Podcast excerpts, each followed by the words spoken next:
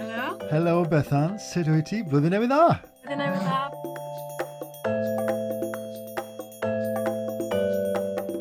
Helo siwmai, croeso i chi, croeso i cymeriadau Cymru wythnos hon. Nawr, rydym mynd i fyd wleidyddiaeth mewn ffordd wythnos hon gyda Bethan Syed. Bethan, sut wyt ti? Slawer dydd?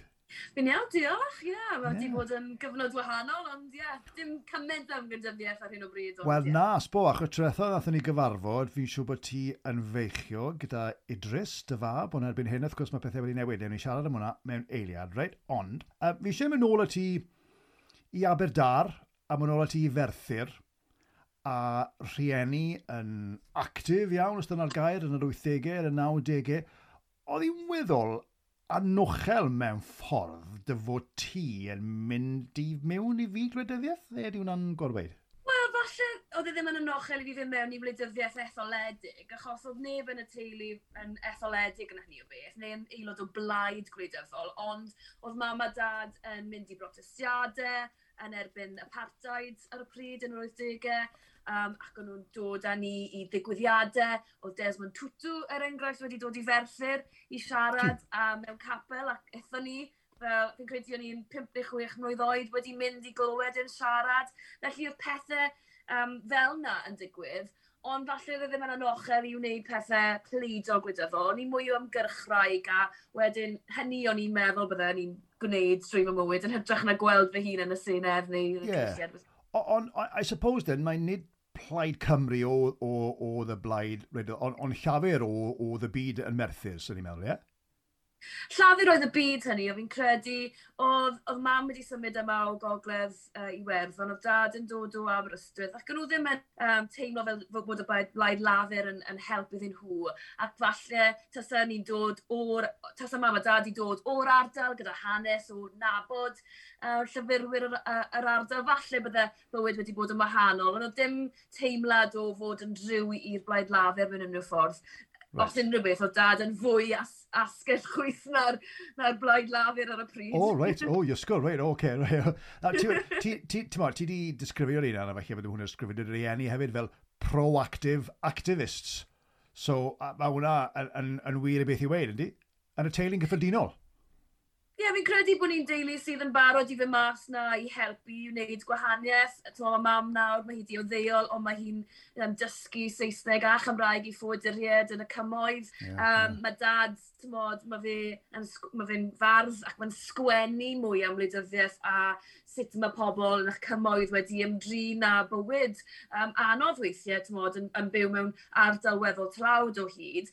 Um, ac felly, um, ddim yn rhai eistedd nôl i meddwl bod bod pobl eraill yn gallu gwneud gwahaniaeth. Wastad wedi rhoi yn fy meddwl i bod rhaid i ni gweithio i wneud cymdeithas gwell, a hynny fi'n cymryd fel rhywbeth positif yn fy mywyd nawr. O oh, ie, yeah. so hynny o beth yn rown y bwrdd bwyd, o'ch chi'n cael eich annog i, i siarad am bwydyddiaeth, o'ch chi'n cael eich, chi cael eich perswadio mewn ffordd i siarad a, a gweud eich barn ac yn siarad o gwmpas y bwrdd ac yn rhoi ambell i farn falle yn bach o bob peth? Ie, yeah, oedd wastad papur newydd yn y tŷ, oedd wastad newyddion mlaen, oedd wastad trafodaethau ynglyn â beth oedd yn digwydd i'r penwythnos hynny o ran mynd at uh, brotest gwahanol, ac felly oedd trafodaethau yn gallu dod o hynny. Oedd dad wastad yn un, oedd eisiau dadle yn eitha grif am bethau. Felly oedd mam a fe o hyd yn, yn, yn dadle yn weddol, um, Tio, cryf ynglyn â pethau gwleidyddol, ond oedd hwnna'n dda i weld bod yna bobl o fewn partneriaeth yn angytuno, ond dal i cyd-fynd. Felly, ie, yeah, ti'n yeah. oedd lot o drafodaethau bwrdd bwyd. Ie, yeah, so ni'n meddwl, mae'n swnio'n ddoddorol iawn. Uh, nawr, fe nes ti'n aelod ifanca erioed sy'n gwybod iawn ar y pryd, yn fe? Yn 2007, ie, nes ti'n aelod o Senedd. Dim ond pimp ar ugen o ti, sy'n sy, anhygol y beth, achos ti'n fi'n nabod bod pimp ar ugen, maen nhw dal heb tyfu lan, mewn unrhyw ffordd whatsoever. Felly, yn bim ar ugen, oedd e ti gyda pob parch, oedd e ti'n barod i wneud hynny? O ti'n barod i gymeryd y rôl na, gwed? Wel, fi'n credu, mae'n odd yn dweud, achos fi'n credu oedd mwy o hyder dy fi pryd hynny i, i, i fynd ati ac i roi fy hun mlaen a syniadau na, na sydd gen i nawr. Dwi'n fwy, dwi'n meddwl mwy ynglyn â sut dwi'n dweud pethau, mae'n ma, hyder i weithio yn isel. Ond ar y pryd, o'n i fel, ie, yeah, of gwrs mod i'n gallu gwneud hyn. Um, o'n i'n dywydd ar undeb Aberystwyth, o'n i'n arwain protestiadau, ac oedd yr egni dwi'n credu yn fy nghario i, um, sef bod, bod fi'n meddwl, wel, allai ddim wneud popeth, a o'n i ddim yn egotistical, ond bod yn bosib i fi cyfrannu.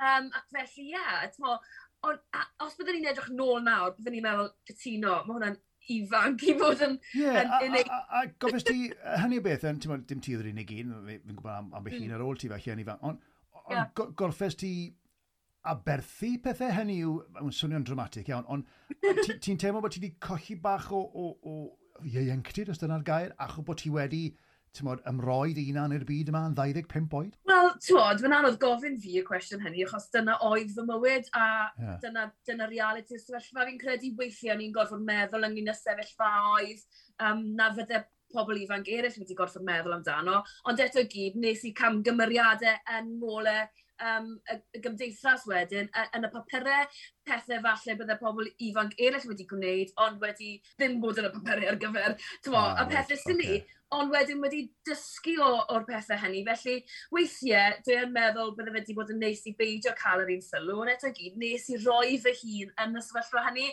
Felly, oedd e'n tyfu lan gyda gwneud hynny, oedd rhaid i fi ceisio deall beth oedd angen i fi wneud, a wedyn addasu fy mywyd i, i, i ddeall beth oedd yn, yn, twod, yn gyfiawnhad i fi a beth oedd yn gyffyrddus i fi.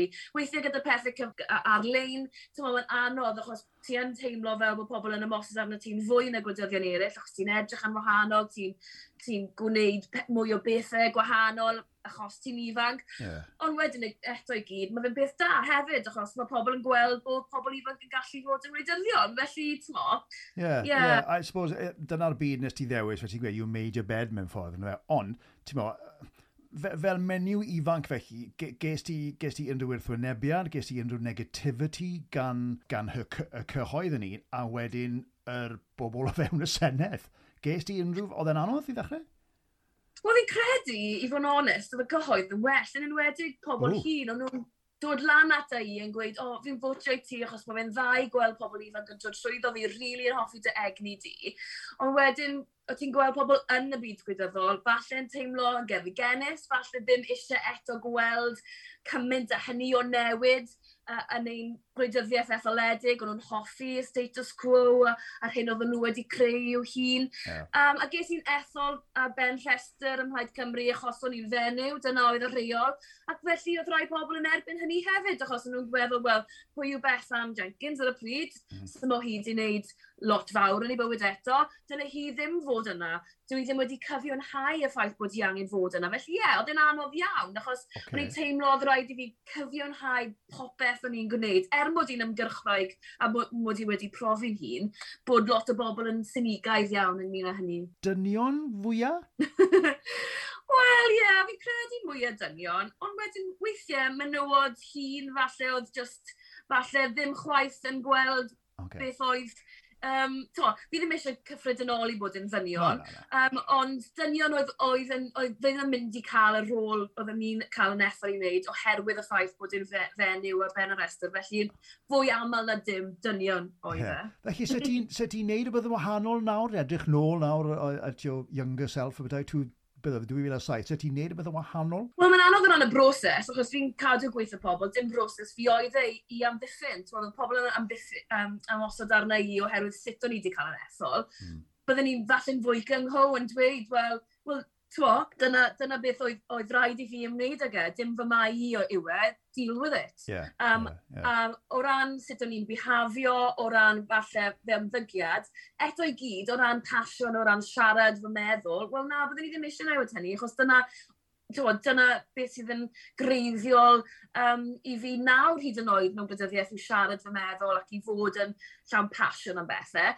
Just rai pethau byddwn i wedi newid yw falle, tywod, just trio bod yn fwy sensible am bethau weithiau, trio cael balance rhwng bywyd gwaith a bywyd cymdeithasol, um, a just, yeah. Yeah. yeah. A, a, a, a, a ti wedi siarad mas yn lot yn amlwg uh, cym mynd yn, yn mynd i drwy'r arall. Ti wedi siarad mas yn amlwg yn weddol diweddar, wrth gwrs, yr er gwahaniaeth neu'r neu pa mae'r anodd yw i fod yn fam ac yn fod o'r senedd hefyd. Fe chi'n ei siarad am yn mynd i ar. Ond tyd nôl nawr re i, i ysgol, pa fath o ferch oedd Bethan Jenkins dde? O ti'n studious, o ti'n bach o rebel? Fi'n fi, fi, fi sort of gweld ti fel bach o rebel, I don't know how, ond fi yn. Oh, gosh, yn dibynnu a beth oedd y pwnc yn yr ysgol neu beth oedd y sefyllfa.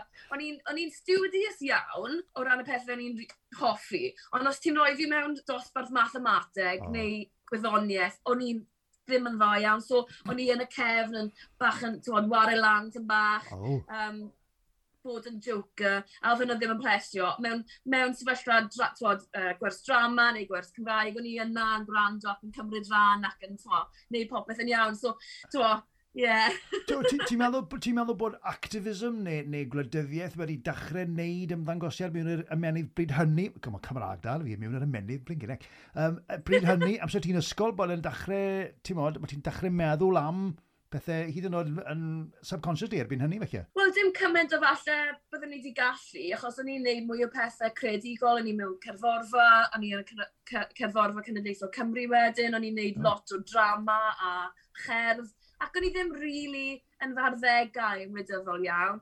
Um, hyd yn oed pan, twod, bydde yna materion wedi bod yn yr ysgol, er enghraifft menywod ddim yn gallu gwisgo trwsus ac yn y blaen. O'n i ddim yn neud ymgyrchoedd a, um, ac yn gwneud stwrw am y pethau hynny cymaint, a edrych nôl, falle byddwn ni wedi gallu bod yn fwy fel yna. Byddwn pryd o'n i yn yr brifysgol yn ni fwy edrych ar y pethau gwleidyddol, a hwnna pan o'n i'n dechrau gweld dylanwad yn rhieni, yn dechrau trwyddio oh. trwyddo, pan cael anibyniaeth barn mwy i fod yn fi fy hun hefyd mewn, mewn tref a mewn yeah, brifysgol. Yeah. Fel, fel mae lot o fenwyr ifanc. So, lle ys ti goleg? I Aberystwyth. I wneud be? Uh, gwleidyddiaeth ryngwladol, ie. Yeah. O, oh, reit, so... so Dim i fod yn reidydd, ond jyst i gallu deall y panciau'n fwy ac i gallu trafod gyda dyfnder am, am pethau oh. gwahanol. Oce, okay, yeah. ond on os na i fod yn wleidydd, beth oedd, beth oedd y gol byd yn un o? Ti'n mynd i wneud gwleidyddiaeth rhyngwladol gyda'r bwriad o wneud be? Neu oedd ddim syniad y ti? Wel, fel gyda lot o bobl oedd yn ddeunaw, fi'n credu oedd y syniad mawr gen i. Dim ond mod i eisiau bod yn, ie, yeah, mod i eisiau deall y byd a mod i eisiau cael trafodaethau oedd wedi ei grymuso gan gwybodaeth a ffynonellau yn hytrach na gan beth oedd pobl yn dweud just wrth y bwrdd bwyd. O'n i eisiau bod fi'n deall yn iawn sefyllfaoedd yn Afghanistan neu yn Iraq neu oh yn Africa. Oedd hwnna'n rhywbeth o'n i'n teimlo oedd yn angen yeah. i fi wneud. Ie, ie, ie. O, wei, Cliw, fi'n fi 57, fi dal yn gwybod beth fi eisiau gwneud, so pa boi'n edrych yn ysgyfnod.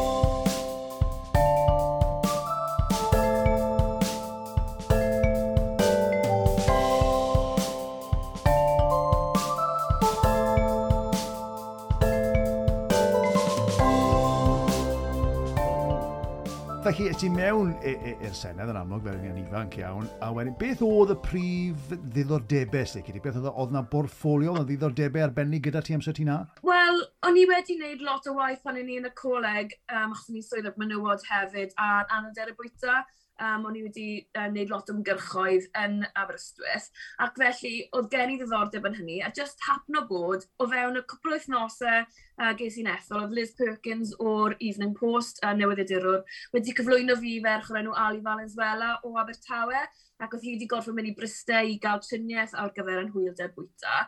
Ac ar, hyn, ac ar, ar adeg hynny, doedd dim strategaeth yng Nghymru, doedd dim arian i anoder y bwyta yng Nghymru, ac o'n i wedi cwrdd ac Ali, ac o'n i'n meddwl, wel, fi methu just eistedd fan hyn a gwneud dim byd, felly nes i sefydlu grŵp trawsbleido ar anoder y bwyta, ac wedyn oedd hwnna wedi esblygu dros y blynyddoedd. Ni wedi nobio, mae arian nawr yn mynd mewn i strwythur cenedlaethol pob blwyddyn, mwy o adnoddau ar lawr gwlad, mwy o drafodaeth cenedlaethol ynglyn â'r, ar mater. Felly, oedd hwnna'n un peth mawr nes i dechrau a wedyn cychwyn trwy fy ngyrfa i gyd. Felly, mae'n rhywbeth dwi'n prod iawn ohono. Ie, yeah, wel, mi'n siŵr bod ti. A, a hyn i gyd, wrth gwrs, fel aelod o Blaid Cymru. Yeah. Oedd na unrhyw bryd o gwbl bydde ti wedi mynd mewn o'r Blaid Lafur? Um, pa, pa hynny, y cwestiwn yw, pam Plaid Cymru? O, oh, reit, oce. Okay. Wel, yn y coleg, yn, torri fynd nôl eto, er mod i ddim wedi ymuno â Flaid Cymru ar y pryd, oedd um, ymgyrch mawr yn erbyn top-up fees. Fi oedd i fyfyrwyr. Ac um, oedd llafur mewn llywodraeth yn yng Nghymru ar, hyn o, ar, ar y pryd, ac o'n nhw oedd yn eisiau roi'r ffioedd lan i fyfyrwyr.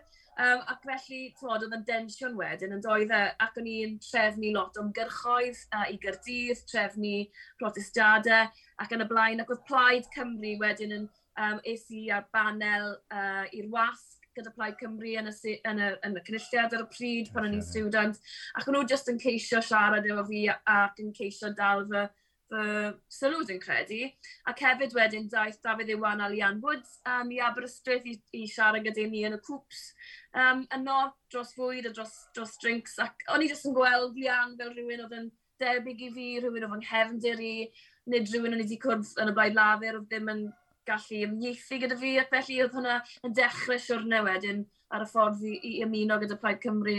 Ie, ie, ie. A, a byddwn ni'n meddwl bod ti'n gweld y hun fel rhywun sy'n mynd i wneud bach o wahaniaeth, falle, o ti eisiau gwneud gwahaniaeth, o ti eisiau gwneud bach o sŵr, o ti eisiau creu bach o, dim hasl, ond ti eisiau gwneud bach o sŵn a make your voice heard, mewn ffordd, sy'n ei meddwl, ie? Ie, ac yn, yn tre fel Aberystwyth, twyd, hyd yn oed, twyd, fi yn person sy'n sosialed, sy'n ar yr asgell llwyth. Felly hyd yn oed, tasa ger i ddiddordeb yn wleid lafur, oedd Aberystwyth yn lle na, lle nad oedd y blaen lafer yn gweld unrhyw fath o traction o gwbl.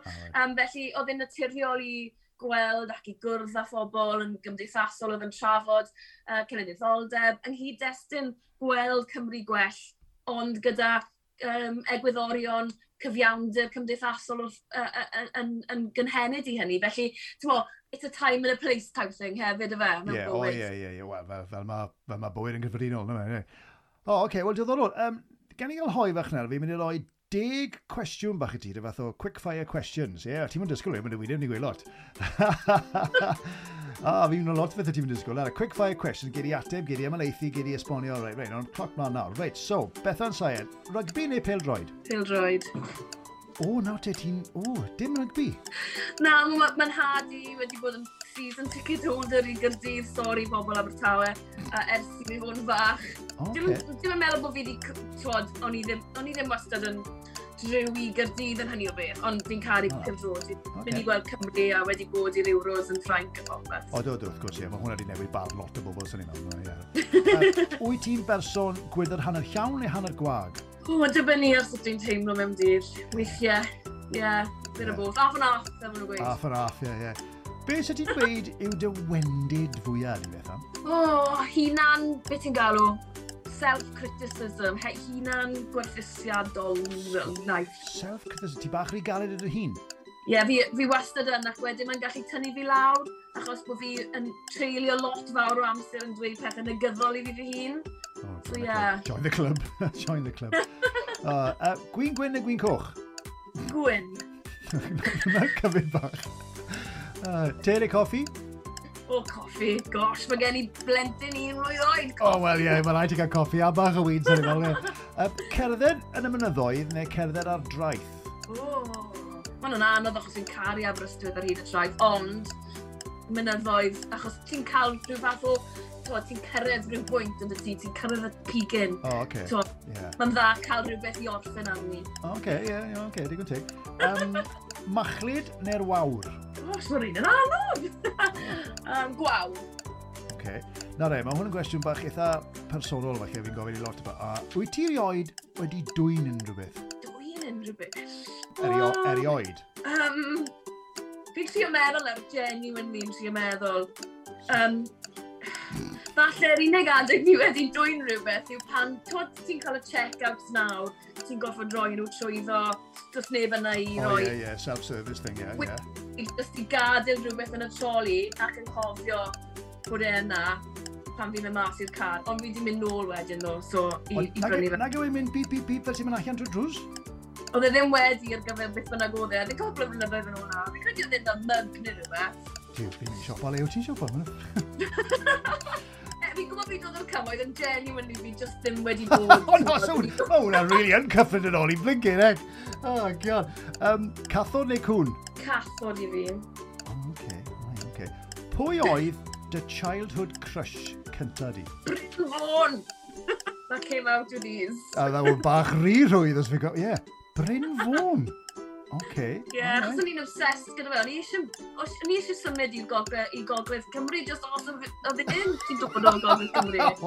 o, mae hwnna'n real yn fandom, ie, yeah, blicyn. A nawr fi'n nabod merched, chos oedd Cadi Fôn yn personal trainer i ni yn adeg yn ardal y pas. Ah. Ac o'n i ddim yn gwybod bod hi'n ferch i Bryn Fôn, ac unwaith y fi'n gwybod hwn, o'n i ddim starstruck i Cadi wedyn hefyd. okay, wel, falle bod dim digon amser ddyn ni, ond um, beth yw'r un peth sy'n dywylltio di fwyaf? Pobl sydd yn, um, beth yw'r gair yn y Saesneg, um, sydd yn spit on the street, sydd yn... Poeri. Sydd yn poeri. Pobl sydd yn poeri ar y stryd. O, Oh. oh Sai hwnna. Mae'n Rwy'n yn cerdded lawr y stryd, a fi just yna, o flaen nhw, a maen nhw'n poeri o flaen fi. A fi just fel, pam? Pam ti angen neud hwnna o flaen fi? Oce, ie, yeah, mae hwnna'n disgusting. Ti iawn, iawn, ti iawn, iawn. A ar un ola, then, um, pryd oedd y tro nes ti ddawnsio? Oh, gosh, fi'n dawnsio pob dydd nawr gyda'r un bach. O, oh, wrth gwrs beth ti, ie, ie. Bod cerddoriaeth Bollywood arno, neu ni'n rhoi, twod, rhywbeth mlaen, a ni'n dawnsio yn y gegin, so ie. Yeah. Dim mas, mas, twod. Sa'n mynd mas, mas, o gwbl. Ond, ie, yeah, dawnsio yn y geg. O, fe geidi, give it time, Bethan, give it time. Dim ond dim ond yn bach, yw e, dim ond yn bach. Dim ond yn tyfu lan a ddim eisiau bod yn am o'r amser, gyda amser yn mas. O, oh, reid, wel, diolch ti fyna, fi'n dysgu lot yn Bethan. O, ie, ie, ie, ie, oce. Mae'n um, cwestiwn ci neu cath yn yr un o ti'n cymryd yn rili really, ddifol yna. Wel, ie, ti'n mwyn, ie. Of all of them, ti'n iawn, ti'n hollol iawn. um, a fi ti yn y Senedd felly am, beth oedd e, dair blynedd a ddeg, os fi'n cofyn iawn, ie. Yeah. A A wedyn, fe, fe nes ti'r penderfyniad mawr ma eto, ynddo fe, really. Fe ges ti, fe ges ti blentyn, Idris, gyda'r wrth gwrs, a, a, ac yna fe nes ti, fe nes ti'r penderfyniad ma, falle bod y priorities falle wedi newid, y pwysigrwydd pethau wedi newid. Oedd hwnna'n hwnna benderfyniad anodd dros ben i wneud, gwed? Ie, yeah, oedd yn anodd, achos fi dal yn, fi dal yn meddwl weithio, o gosh, a'i penderfyniad cywir um, oedd i'n wneud hynny. Achos, twod, i fi, gwleidyddiaeth sydd yn ynghalon ni, sydd yn fy ni neu, a fi jyst yn meddwl weithiau, o, oh, o'n i'n sili i wneud hynny, ond eto i gyd, twod, pan fi'n gweld Idris a ni'n chwerthin ac yn joio gyda'n gilydd, fi'n meddwl, wel, ie, yeah, oedd e werth e, dim ond bod fi'n cael yr amser yma i fynd i, yeah. twod, mas i gerdded gyda fe, i fynd i'r parc neu'r soft play, twod, dwi ddim wastad eisiau gwneud y peth yma, no. twod, mae rhaid ni'n onest fel rhieni, ond eto i gyd, twod, mae ma, ma, ma fe'n ddewis dwi'n gallu gwneud wedyn, a mae hwnna'n,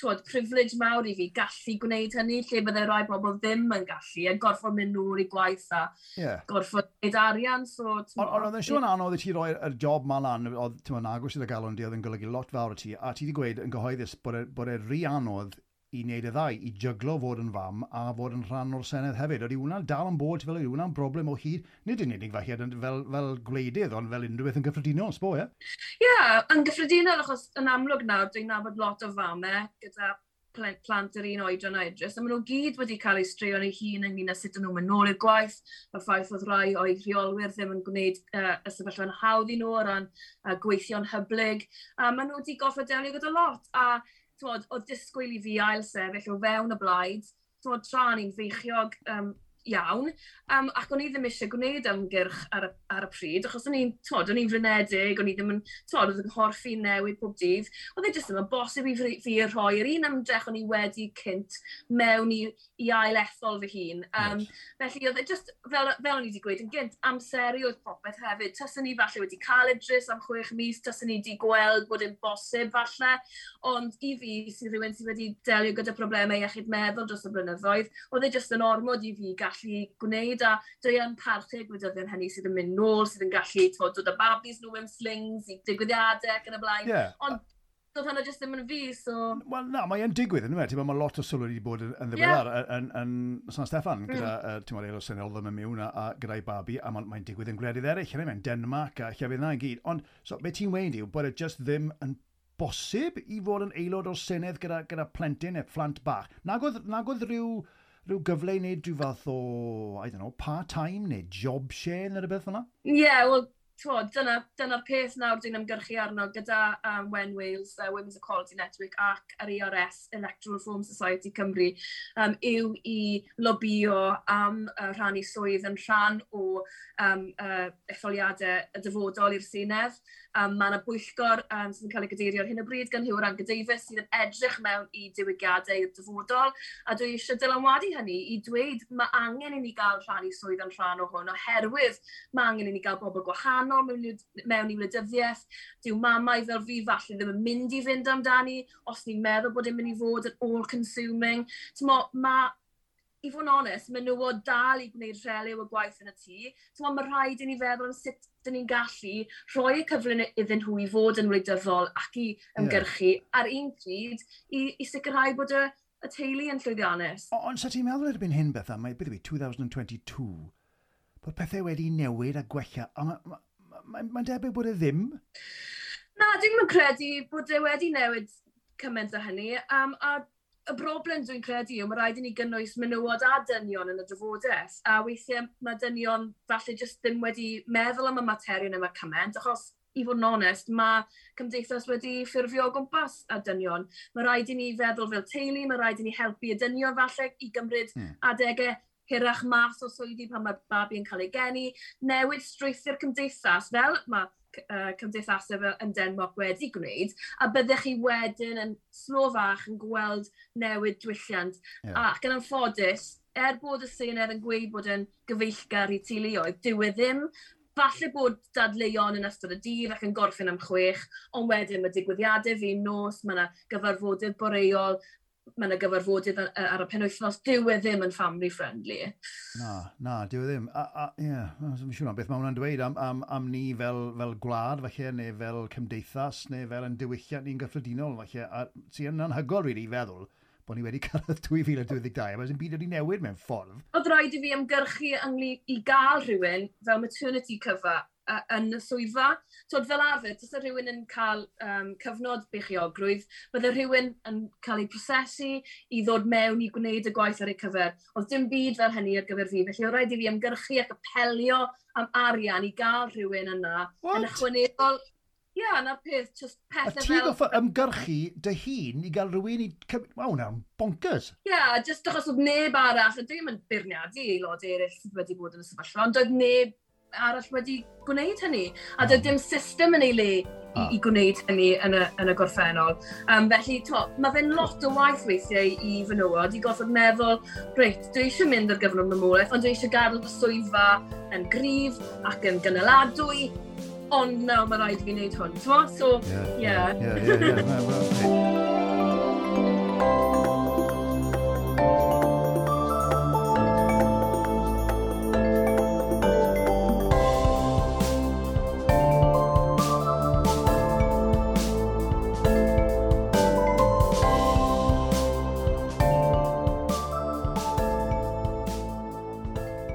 Ond wrth gwrs, ti'n meddwl, ers uh, i ti adael a ti wedi dod yn fam a chi wedi dod yn rhieni, bydden ni'n meddwl bod eich byd chi wedi newid cant y cant yw e, o ran, o ran amser, o ran uh, blinder, o ran uh, priorities a bach o bob peth, a mae edrych wedi newid eich bywyd chi, ynddi? Ie, yeah, di, ti'n modd, pethau a ti'n cwyno amdano cyn cael babi, fel, o, oh, sy'n amser gyda fi wneud hyn a'r llall, o, oh, fi wedi blino, fi'n edrych nôl yn meddwl beth am get a grip, ti'n gwybod beth oedd blinder pryd hynny. So, ie, yeah, ti'n just anodd cysgu weithiau, os mae fe'n cael tantrums nawr bod e bron yn ddwy mlynedd oed, ti'n just pethau oh. newydd sydd yn disgwyliadwy i chi just gallu gwneud. Ti'n dyn ni ddim yn cael training i fod yn rhiant. No. Um, so, so mae'n anodd, fi ddim yn gwybod, mae pobl yn ymdopi lot o weithiau. Wel, well, weithiau fi'n edrych at y tweets ti'n meddwl, fi'n mynd siŵr nawr, siw ti yn ymdopi, achos ti yn, ar hyn o bryd, mae Idris yn mynd trwy'r falle terrible twos a mae'n cael bach o strops now and again. Ond ti, ti wedi bod ar, ar y cyfryngau cymdeithasol, os ti nawr, a ti ar Twitter yn amlwg yn ddiweddar, a ti, ti wedi bod yn, yn, yn onest, ti wedi bod yn feriadol, bach o bob beth. Ti'n meddwl fod yna le i cyfryngau cymdeithasol yng ngwleidyddiaeth yn gyffredinol a i fobl cyhoeddus yn gyffredinol, heb, heb yn lawr i bledi bech a, a Donald Trump yn amlwg. Ond on, oes na rhyw fath o le? Wrth gwrs bod yna le, twod. Fi'n credu, o'n i'n meddwl bod fi wedi gwneud bach o y camgymeriadau yn y gorffennol ar, ar social media, ond wedyn fi'n gweld pobl fel Trump, a ti'n just yn meddwl, wow, yeah, ti'n mo, yeah, that's yeah. nothing compared to that. Um, just, dim ond bod yn constructive, bod chi'n gallu cael trafodaethau um, deallus gyda pobl. Hyd yn oed os chi'n angytuno bod yna parch at yr angytundeb hynny, yeah. a dwi'n credu lle mae fe'n anodd yw lle mae pobl just yn ymateb. Hyd yn oed pan o'n i'n gweud rhywbeth am Idris, wedys i rhywbeth tywod, tangen cheek, oedd e i fod yn hwylus, ac oedd rhywun di ymateb yn gweud, well, why did you bother having a kid if it's that much of a an issue for you. Well, straight away, mae pobl yn ymateb yeah. yn y gyddol yn hytrach na just gweld e fel rhyw fath o rhywbeth hwylus oedd ei fod, rhywbeth i, yeah. i, i gynnal trafodaeth. Ie, yeah, a mae gormod o keyboard warriors mas yna, mae'n gormod o bobl, ti'n modd, uh, cachgwn, felly e ddim eisiau cael i, i gwynebau wedi gweld, ond digon, digon parod i roi rhywbeth ar y bapur heb gwybod pwy nhw'n hollol, ie, yeah, mae hwnna yn, yn, i bawb sy'n yeah. byd cyhoeddus yn ei meddwl. Oce, okay, reit, ni'n mynd i stopo bach eiliad to. Fi'n mynd i roi quiz bach i ti nesaf. Hei! Oh, a, a gan amla, right, fi'n rhoi quiz i rywun, just pimp cwestiwn bach cyflym, am rhywbeth falle, ti'n modd, uh, ynglyn â'i swydd nhw, neu i ardal nhw fath o beth. Ond dwi'n ei penderfynu rhoi pimp cwestiwn i ti ar yr enw Idris. O na! Ie, yeah, fi'n licor enw Idris, fi wrth y modd enw Idris, felly um, mae'n gwestiwn yn artigon random, mae'n ei gweud, reit. Dedicated am I to the name. no, gen i fel, right, gen i fel. Idris Bell. Gwaith pa fardd enwog Cymreig nath Idris Bell gyfieithu nôl yn y 40au. A ddod dewis i ti. Dafydd Ep Gwilym, Iolo Morganwg neu TH Parry Williams. Nawr, o'n i'n yn gwybod hwn, beth so, ti'n bod, fi wedi gwneud bach o ymchwil, ac i fi wedi gwneud, ar Google. Ydy to nawr. So, Idris Bell nath y gyfieithu gwaith pwy yn y 40au. Dafydd Ap Gwilym, Iolo Morganwg neu TH Parry Williams. TH Parry Williams. Wel na, Dafydd Ap Gwilym. Ah, o'n i'n meddwl... Achos mae storys Dafydd Ecwilin bach yn risgau i weithio, nhw, a, a, a Idris Bell a'i fab nath gyfeithi nhw pan ni. Oce, okay, wel, byddem hwn, mae hwn yn rhwydd. Mae hwn yn rili rhwydd, oce? Okay? Pa Idris oedd Stringer Bell yn The Wire? O, sa'n i gwele? O ie, ond ti'n bod pwy oedd yna me? Sim lot o Idris i gael yn actio. Think oh, about it. Oh, Idris Elba. Idris Elba. Wel, na fe ie. oedd e yn The Wire ar HBO, right. OK, ah, good. O le, ti di cael un o leia, right, OK. So, um, Idris Jones. Now, Idris Jones oedd esgob Glasgow yn y 90au, ond nath e raddio ym Mhrifysgol Lleiaf Cymru. Ym ble ma Prifysgol Lleiaf Cymru? Llambed. Ah, da iawn better push ah, that fun, yeah. Woo! Just uh, mil... Ambell o blwyddyn yn cyfnodfa. O, oh, reid, oce, okay, yeah, 1500 o fyfyrus i na. Na te, yn ôl crefydd Islamig, y proffwyd Idris oedd y person cyntaf erioed i Nobob Sôn i sgrifennu. Ond mm. beth oedd swydd go iawn Idris yng Nghrefydd Islamig? Oh gosh, o'n i'n gwybod y ffaith yna, so diolch. O, ti'n gwybod y ffaith yna, reit, oce. Okay. O, na i roi dewis i ti eto, reit? So, Idris y proffwyd, a oedd e'n ffermwr, oedd e'n athro, neu oedd e'n deilwr? Oedd e'n teilor? Ie. Yeah. Um, ffermwr na i fynd amdani. Na, teilor oedd e. Teilor. Teilor oedd e. Ie, ie, ie. O'n i'n gwybod ar ddysgu sydd y beth A wedyn, yr un ola, Idris enw Cymraeg ac enw Arabic hefyd, dwi'n gwybod, ond yn ôl yr cofnodion Cymreig, suppose, beth yw gwir ystyr yr enw Idris. oh, god. Na? Mae bod Cadir Idris. Nethon ni, nethon ni um, dewis e oherwydd bod yr um, cyswllt Islamaidd nes di sôn amdani. Right, oce. okay. Mwy na...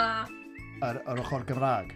Right. Wel, yn, er, er, ôl yr, yr cofnodion Cymraeg, um, deallus, ysgolhaig, smart, oh. intelligent. So na ti? Wel, gyda nes i'n edrych ar hwnna, ond mae'n mynd... I have a lot to get in just up to scratch for them.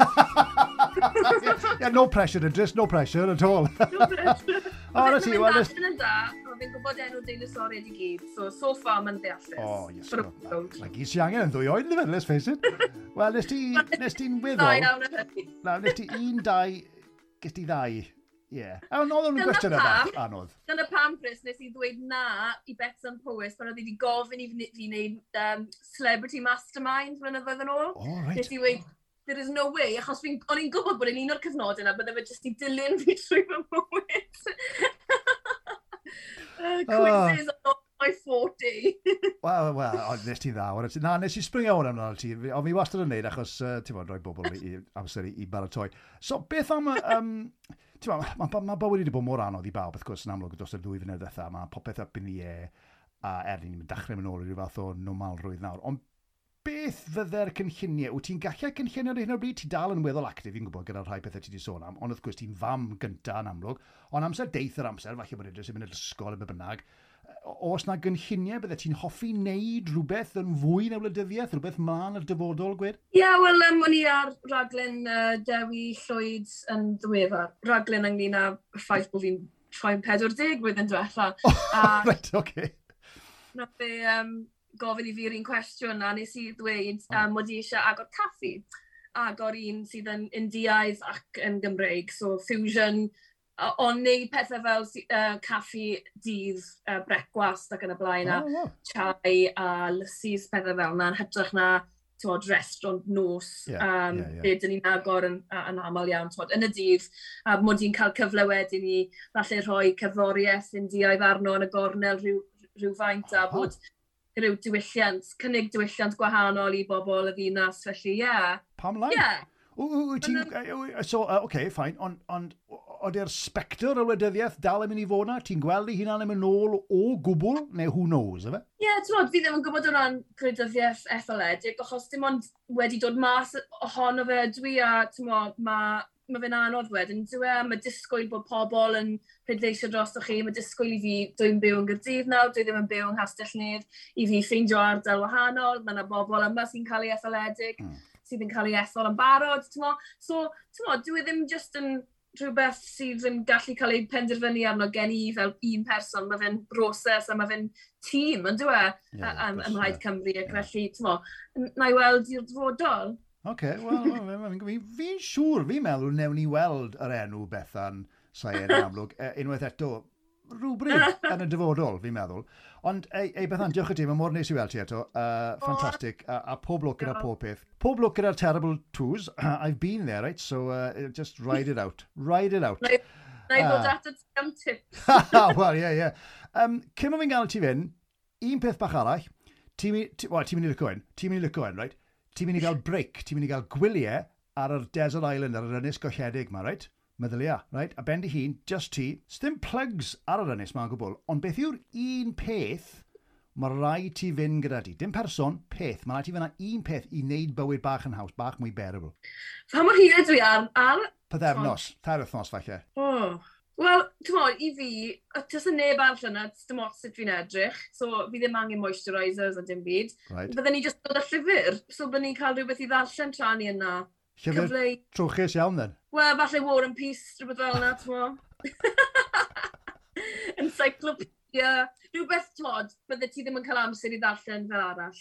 Right. A fydde ti'n ymdopi'r yr ynnes, Masha, beth yw ti uh, yn ymarferol ac ar ben hun ar, ar, ar, ar, y sefyllfa yma? Ond mae'n dibynnu pa, pa fath o danger sy'n yna, ti'n mo. Um, fi wastad yn un sydd wedi eisiau gwneud un o big grills um, sialense yma.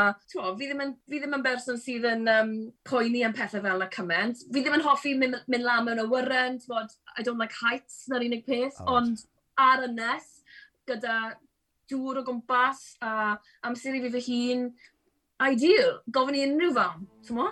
Byddwn ni... Gofyn i unrhyw fam, ie. Feel be there. Give me an alligator, give me a rhinoceros, whatever. can get over it.